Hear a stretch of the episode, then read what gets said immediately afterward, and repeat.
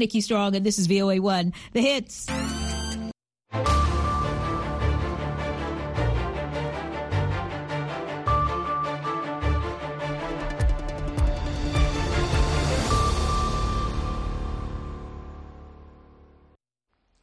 halkani waa washington laanta af soomaaliga ee v o a oo aad ka dhagaysanaysaan mawjadaha gaagaaban iyo efemyada geeska africa iyo caalamkao dhan oo aad nagala socotaan boggeena internetka ee v o a somaly com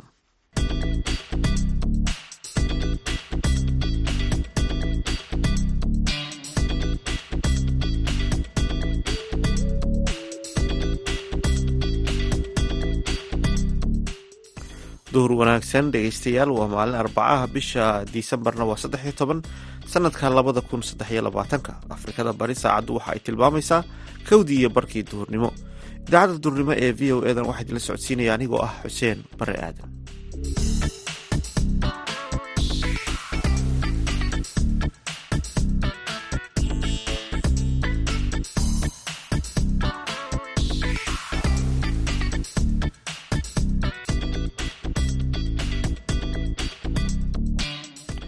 qodobada aad ku maqli doontaan idaacadda duhurnimo. Waxaa ka mid ah kulan looga hadlayay maamul daadejinta oo jabuuti lagu qabtay. Hadda dhalashada ilmaha anaa samey xabadda horeysa.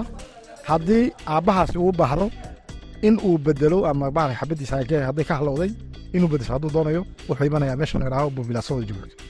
Bubilaasonguna qofkaasi wuxuu soo raacayaa nuul saddex boqol oo jabuutiya saddex boqol oo jabuutiya ku imanaya saddex boqol oo jabuutiya ku waa culays wakti badan ay qaadanaysaa waxaa kale oo aad maqli doontaan kenya oo ku dhawaaqday in laga bilaabo bisha soo socota uu dalkaasi fiisa dalkugalka looga baahnayn dadka soo booqanaya wadanka waxaa kaloo aad maqli doontaan ciyaarihii iyo qodobo kale. Marka horese waxaad ku soo dhawaataan warkii dunida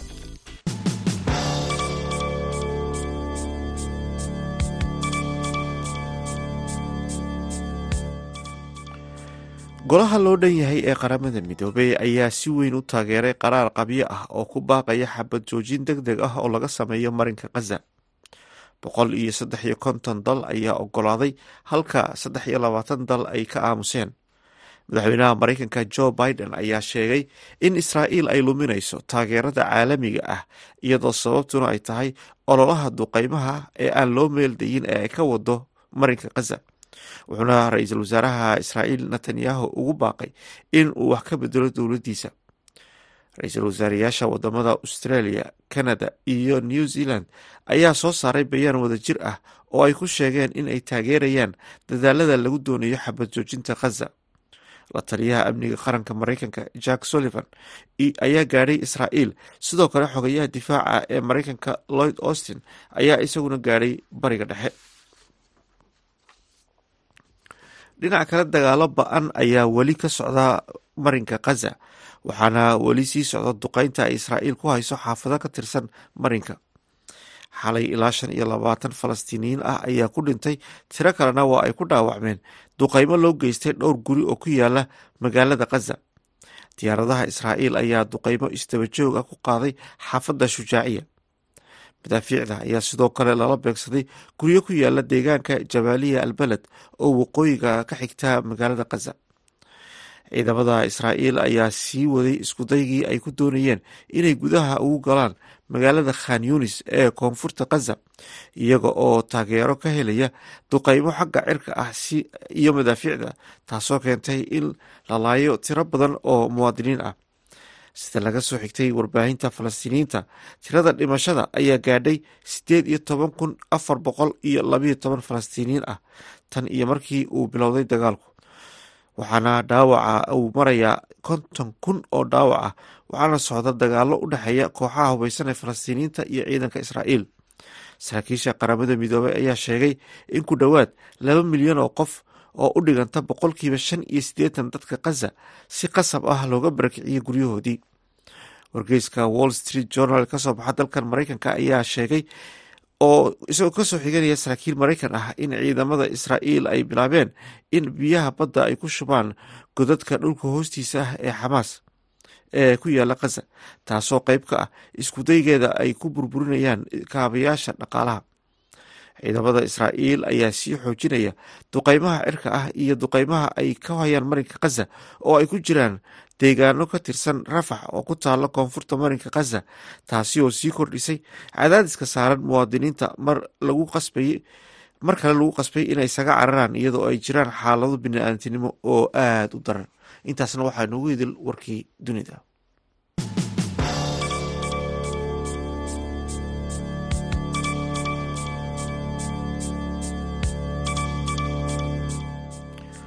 halkan dhegeystayaa nagala socotaan waa laanta af soomaaliga v o a. Dhowaan waxaa lagu qabtay caasimada jabuuti. Shir looga arinsanayay sidii loo wajihi lahaa maamulada dowladda gaar ahaan dhinaca degmooyinka. Maxamed xasan siciid oo ah guddoomiyaha degmada belbela oo ka qayb galay kulankaasi ayaa ka waramay baahiyaha degmooyinka ay u baahan yihiin gaar ahaan tan uu mas'uulka ka yahay. Waxaana uu waramay wariyaha v o eda sagal siciid faarax. Asalaamu calaykum waraxmatullahi barakaatu waan dhowahay waa maxamed xasan saciid guddoomiyaha belbela gudoomiye waxay ahayd komika belbela u weynay belbela inay ka muslanahay waxaa loo fadhiyo waa sidii loo bedeli lahaa ama reform pacific waxa la yidhaha hadda afarka faransiiska in loo sameeyo. Annagu haddaan nahay shicibkii belbel haddaan matalayno dukumooyo badanna waxaa jira reer belbela ay belbela ka yimaadiin ay magaalada u soo yimaadiin ama komika raasdika ama komika bulcosta inta badanna komika weyne raasdik maxaa ay yimaadiin waxaan jecel lahay dukumadaas inay soo dhaadhacaan ay belbelo u sii dhaadhacaan. Waxaa u fadhina maanta saddexdaa cisho annagoo dila matalayna oo matalayna shacibkii belbela dukumooyadaas waxaa ka mid a cabdilsaas u horreeya cabdilsaasa xabadda u horeysa anaa sameeya komika ku dhex sameynaa anaa naseexa cabdilsaasaasi hadduu aqdilsa waxa la yidhaha waa waraaqadda dhalashada ilmaha. Waraaqadda dhalashada ilmaha anaa sameeya xabadda u horeysa haddii aabbahaasi uu baahdo in uu bedelo ama bahalka xabadiisa hadday ka halowday inuu bedesho hadduu doonayo wuxuu imanayaa meesha la yidhaaho jabuuti populationna qofkaasi wuxuu soo raacayaa nuul saddex boqol oo jabuutiya saddex boqol oo jabuutiya ku imanaya saddex boqol oo jabuuti ku laamaya waa culays. Wakti badan bay ka qaadanaysaa. Marka waxaa leedahay anagu xarnaa maamulkayga noo dhammaada anaga. Noo dhammaado oo la soo dhaadhiciyo xarunteeda koomiyikii belbela loo dhaadhiciyo. Qofkii reer belbela ahaa uu belbela ka heli karo agdiisas baahi inuu soo qaadinba uu kaabada soo dhaafin baa jeclaa hadda rooba haddaa haddaan ku darsado ka waran xaaladda degmada iyo maxaa ka wadaan meelaha biyaha dadka u baahan wallaahi de horta aanu belbelaha ka socdaa brisoonkii ninkii u sarreeyey belbelaan ahay belbela waa tuur bay ku taallaa. Wax dhibaata oo belbela ay la kulanto qaybta biyaha ama roobku uu dareeraa hoosugaan ugu dhaadhaca wax dhibaataa ma jirto. Wax dhibaato ah oo akoonku roobku nuu hayo. Khayr maahine wax sharan waxbaa ma jirto markay noqoto isku xirka degmada iyo maamulka degmada dhexdeeda iyo qaabkaas qaab nooceeyaa dadka shaqadaadu waa sidee? Shaqadeedu waxa weeyaan annagu waxaan nahay dad la doortay labada kun iyo labaiy labaatankii una shaqeeya shicibka arrimaha uga shaqeyno waxaa ka mid a maanta oo kale oo arrimaha u fadhino in u soo dhaweyno adeeg bulshada loo qabto o dhan in loo soo dhaweeyo. Wixii sosiaale waxqabadee loo qabanayo koomiinkana waxaa soo tabinaya dowladda u keenaya anaga anaga waxaan nahay dowladdii iyo shicibka udhaxayna shicibku hadday waxna weydiisaan inaa dowladda ogeyno dowladdu hadday doonayso in u dhaadhiciso shicibka waxna qofkay sii labada dhinac. Dowladda breshkii dowladda iyo shicibka kaabaa ka shaqeynaa maamulka markii la yidhahdo degmooyinka saddexda degmee kale labada kale waxay ku yaalaan gudaha magaalada idinka dhow yihiin belbele xoogaa waa fog tahay dadka badanaa waxyaabaha belbele laga cawdoo kale marka baskoo kale dadka waxay dhahaan belbele bas ma helno waxaa jira niman sandika baan ogahay oo baski waxaa ka shaqeeyo. Laakiin cabashooyinka dadka ma kuu keenaan kuwaasoo kale. Hadday noqoto iskoolka ciyaalka fogoo kale. Arrimaha shicibka marka la leeyahay waxaa u horreeya waa laba saddex qaybood baa loo kala saaraa. Qaybta u horeysa waxaa weeyaan qofku wuxuu war ka maarmeyn baahida degdega. Cuntada maxay ahayd kooraan la'aanta biyaha waxaas waa wax laga maarmeyn maanta waxa iminka nolosha waxa ku soo biirtay oo kaa soo gashay transport komaagi ayay wuxuu soo galay maanta wax laga maarmeyn markii biyaha iyo kooraanu haddii hanaysa maanta waxaa leenahay baabuur basas la'aanta iyo waxaan waxay noqotay. Dee qofku inuu daruuri lera maarmaana oo afka qaalaad ladhaaho besoin primaire. Qofku wuxuuna ka maarmayn ayuu noqday. Arrimahaasina waa arrimaha de naloo doortay ku jirtaa waxaan maanta ognahay inay laba meelood laba wakti ay dhibaata jirto. Waa subaxa hore sideedda toddobada biila ilaa sideedda iyo barka. Saacaddaa iyo barkaasi dhibaata way jirtaa. Baabuurtii iyo shicibkaa kala badan. Baabuurtii ayaa qaadaya ardaydiina waa la qaadaya shaqadiina wakti midaatay isu dhaceen. Waktigii la shaqo tagiyo iyo waktigii ciyaalka ayaa wakti midaata belbelood oo dhan belbelo waxaa degan maanta wax ka badan afar boqol oo kun oo qof haddaan ahno boqol kun oo qof baa maanta magaalada u baahan. Ibse baabuur baa qaadi karta. Baabuurtii oo badan waktigii ayaa la wada doonaya inaan la wada baxo. Kaabaa keentay in maxay ahayd ay dhibaatada jirto wakti labaad baa jiro waa duhurkii marka la rawaxayo labadaa wakti bay dhibaata jirtaa. Anagu haddaan nahay maxay ahayd? Mas'uuladii komika la shiinaha tagnay mar dhexdii meerka magaalada jabuuti wuxuu tegay shiinaha baabuuro in ay yimaadiin wakti dhow ayaan rajaynaynaa oo labadaa wakti u shaqaysa bas waktiyada kale baabuurta ku fulan yihiin oo wax problema ma jiro laakiin waktiyada la yidhaaho ex de point waktiyadaasi in baabuurta la yargeeriyo annaku commune iyo municipality ahaan meerigii jabuutiya inaas gacmahaas qabsanno oo baabuurtaa la biiriyo oo ummaddu ay yar kala nafisaan. Waa waxaa nugu jira aad ayuu mahadsan yahay maxamed xasan saciid gudoomiyaha degmada belbela ee dalka jabuuti. Waxaa uu warameeyey wariyaha v o eda sagaal saciid. Faarax halkaad nagala socotaana waa laanta af soomaaliga v o a. Markana aynu ku wadansano mid ka mid a heesahan idinku talagalnay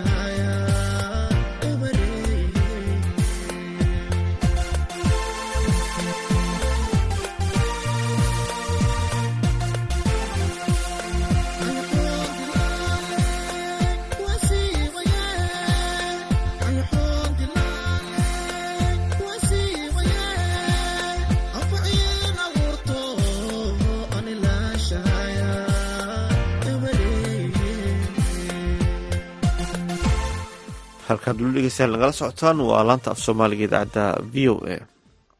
Madaxweynaha dowladda kenya william ruto ayaa ku dhawaaqay in dalkiisu qaaday shuruudihii dalkugalka ee dhammaan dadka ajaanibka ee dalka kenya imanaya. Madaxweynaha kenya william ruto ayaa sheegay in tallaabadani ay dhiirigelin doonto isu socodka dadka iyo badeecadaha xorta ah ayna kenya u furayso fursado badan oo ganacsi. Warbixintan waxaa magaalada nairobi ka soo diray khadar maxamuud xareed madaxweynaha dowladda kenya william ruto ayaa hadalkan ku dhawaaqay talaadadii shalay intii ay socotay munaasabadii xuska sanadguuradii lixdanaad ee maalinta xorriyadda dalka kenya wuxuuna madaxweynuhu uu sheegay in laga bilaabo bisha janwari ee soo socota ee sanadka labada kun iyo afar iyo labaatanka ay kenya noqon doonto. Dal ay dadku ay ku imaan karaan dalkugal la'aan isagoo xusay inay meesha ka bixi doonto. Dhibaatadii ay markii hore dadka imaanaya kenya amaba u soo safraya ay ku qabi jireen ee inay soo dalbadaan dalkugalka dalka kenya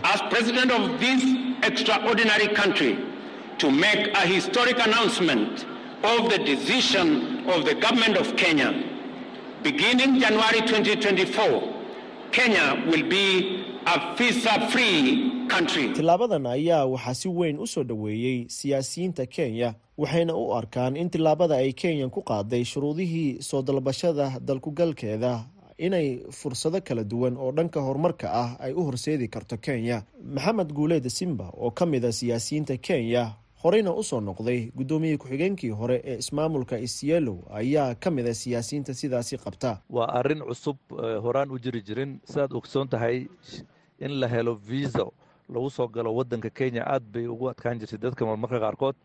Waxaa waagi dambe la soo dejiyey in lagu dalban karo habka oo loo yaqaano electroniga laakiin dad badan baa ku dhibtoon jireen sababtay tahay marmar qaarkood umaysan suurtagelin inay viisahooda si sahlan ee ku dalbadaan marka tan aad bay u fiicnaan doontaa weliba waxay badin doontaa ma aragtay maxaa la dhahaa dadka oo oo dalxiiska waddankan maaragtay ku soo geli lahaa iyo wixii ade ganacsi iyo si walbaba waddankan uga faa'iidi lahaa imaashadiisa ama si walba ha noqoto ama dadkooda soo booqan lahaa.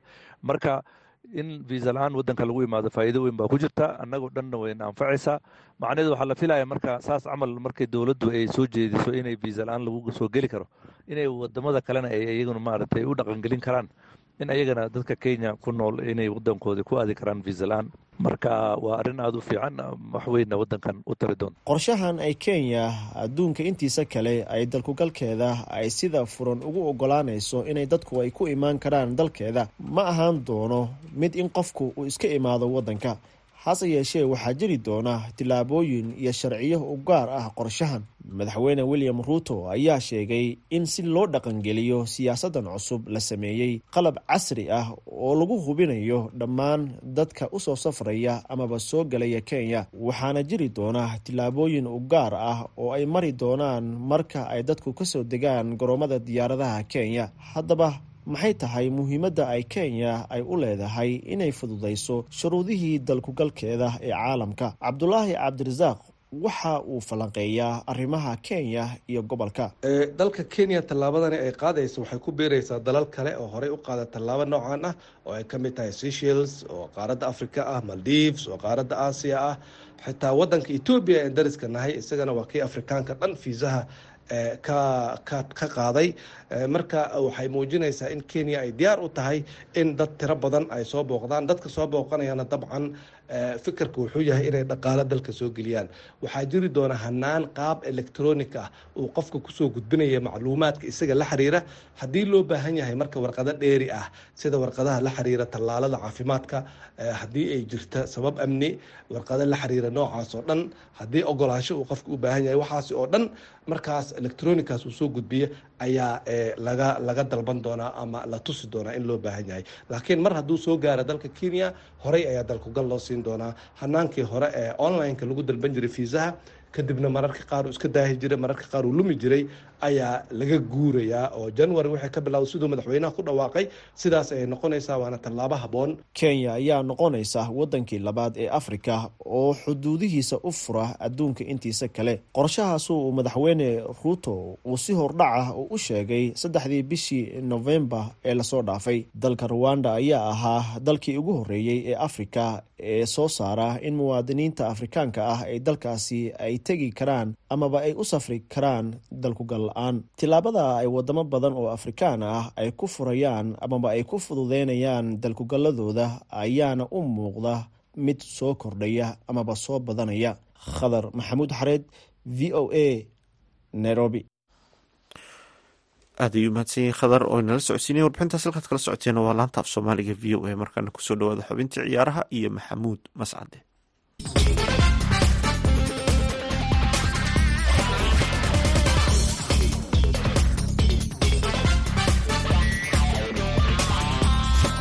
Kulan wanaagsan dhegeystayaal dhammaantiinba kuna soo dhowaada xubinta ciyaaraha. Horyaalka kooxaha qaaradda yurub ee champions league kulanadii habeenkii xalay ahaa la ciyaaray ayaa keenay natiijadii kama dambaysta ahayd ee gurubyada qaarkood iyadoo kooxaha qaar ay wareega labaad ee lix iyo tobanka u soo gudbeen halka kooxaha qaarkoodna ay gurigooda qabteen. Kooxda kubadda cagta ee manchester united oo ka mid ah kooxaha ugu magaca weyn dunida ayaa xitaa u soo bixi weysay ciyaaraha europa league kadib markii xalay gurigeeda lagu dharbaaxay oo kooxda kubadda cagta ee bayer munich ay ka adkaatay. F c copenhagen ayaa iyana gruubkaasi natiijo wanaagsan ka heshay kadib markii gurigeeda ay kooxda galatasaray kaga badisay. Gruubkan ee kaalinta koowaad kooxda kubadda cagta ee bayer munich ayaa ku soo baxday f c copenhagen waxay noqotay kooxda labaad. Halka galatasaray ay ka ciyaarayso ciyaaraha europa league manchester gurigeeda ayay ku nagaan doontaa oo ciyaaraha qaarada yurub gebi ahaanba waa isaga hartay. Kooxda kubadda cagta ee arsenal ayaa gruubka b ka soo gudubtay kooxda b s v indahovenna kaalinta labaad ay ku soo baxday lens waxay u gudubtay ciyaaraha europa league halka kooxda magaca weyn ee safiyana ay gurigeeda aaday real madrid ayaa kaalinta koowaad ku soo baxday gruubka c kooxda kubadda cagta ee napoli kaalinta labaad ayay gashay. Sc bragana kaalinta saddexaad ayay gashay oo europa league ayay ka ciyaari doontaa halka union berlinna ay gurigeeda joogi doonto. Real sociedad ayaa gruubkeeda d ku guuleysatay halka kooxda kubadda cagta inter milan kaalinta labaad gashay inkastoo labadan kooxood ay isku dhibcan yihiin. Haddana coldersi kooxda kubadda cagta real sociedad ayaa ku soo gudubtay benfica ayaa ciyaari doonta ciyaaraha europa league halka selsburgna ay gurigeeda ku nagaan doonto. Gruubka e ayaa caawa bilaaban doona oo kooxaha kubadda cagta ee atletica madrid iyo lazio ay horeba u soo gudbeen. Laakiin gruubka sida weyn isha lagu hayo waa gruubka f oo ah amaba loo bixiyey gruubka gerida.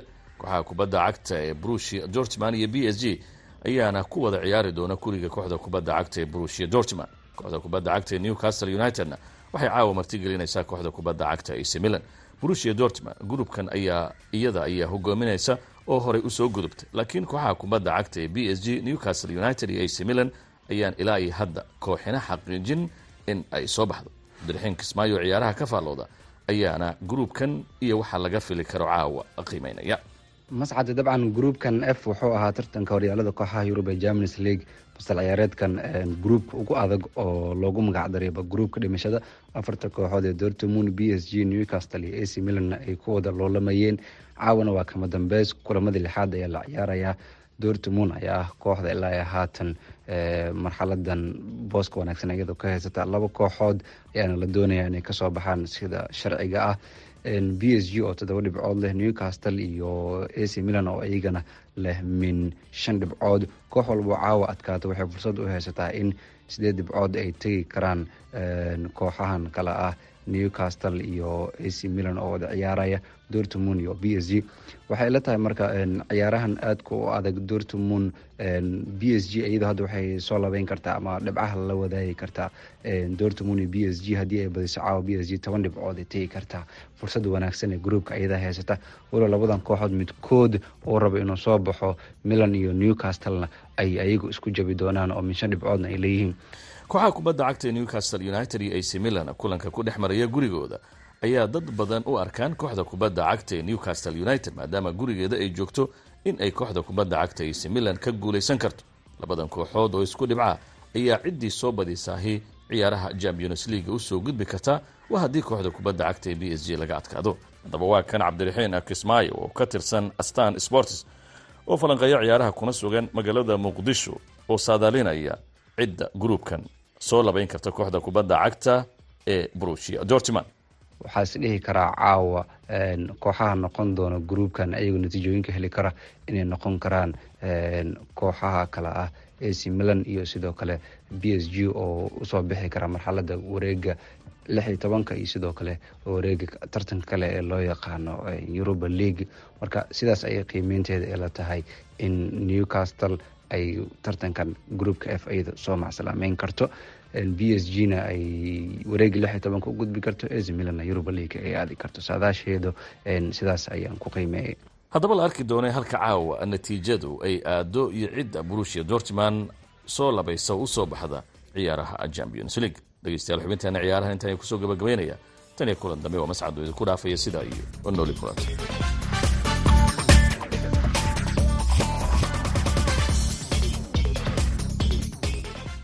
halkaad weli dhegeystayaal nagala socotaan waa laanta af soomaaliga idaacadda v o a. Markana aynu ku nasanno mid ka mid a heesaha aan idinku talagalnay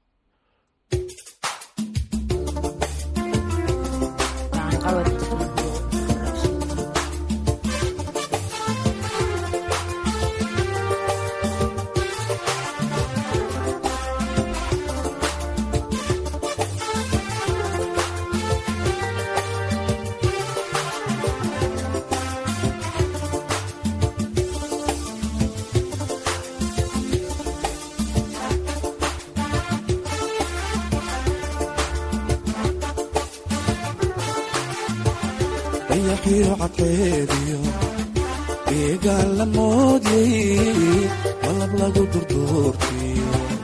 Daxabkoo iftiima. Dayaxiyo cadceediyo deegaan la moodyay qalab lagu durduurtiyo. Daxabkoo iftiima. Daawashada kuwaanay damaqbayga kaagalay damaqbayga kaagalay daawashada kuwaanay damaqbayga kaagalay damaqbayga kaagalay waxaa waxaa iga dardaara oon kaaga digaya waxaa waxaa iga dardaara oon kaaga digaya dadkayuusku keendirin dabdhaxadiina laga shidin dabdhaxdiina laga shidin. Dadkayuusku keendirin dabdhaxadiina laga shidin dabdhaxdiina laga shidin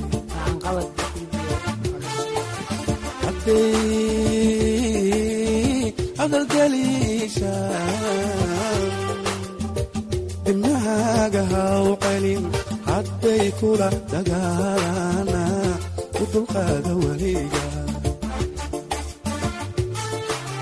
Hadday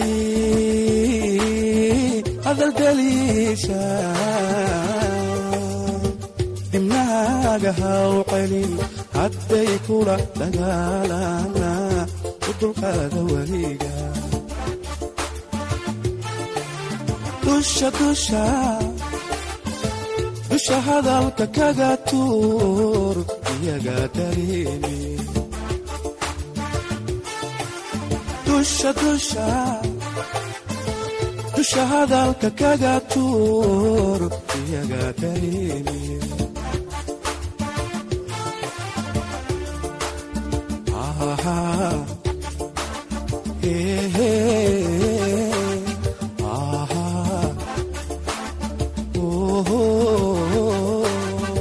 waxaad ogaataa inaan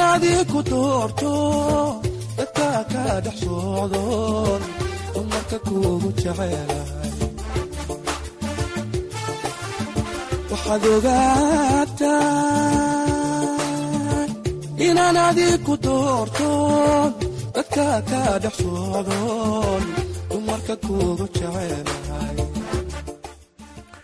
heeskaasi nagu luqeynay fanaanka la foole ayaan ku soo gabagabaynaa baahinteen idaacadeed oo si toos idinka imanaysa laanta af soomaaliga v o a. Tan iyo kulanta dambe waa bahda laanta af soomaaliga v o a washington oo idinle sidaas iyo nabadgelyo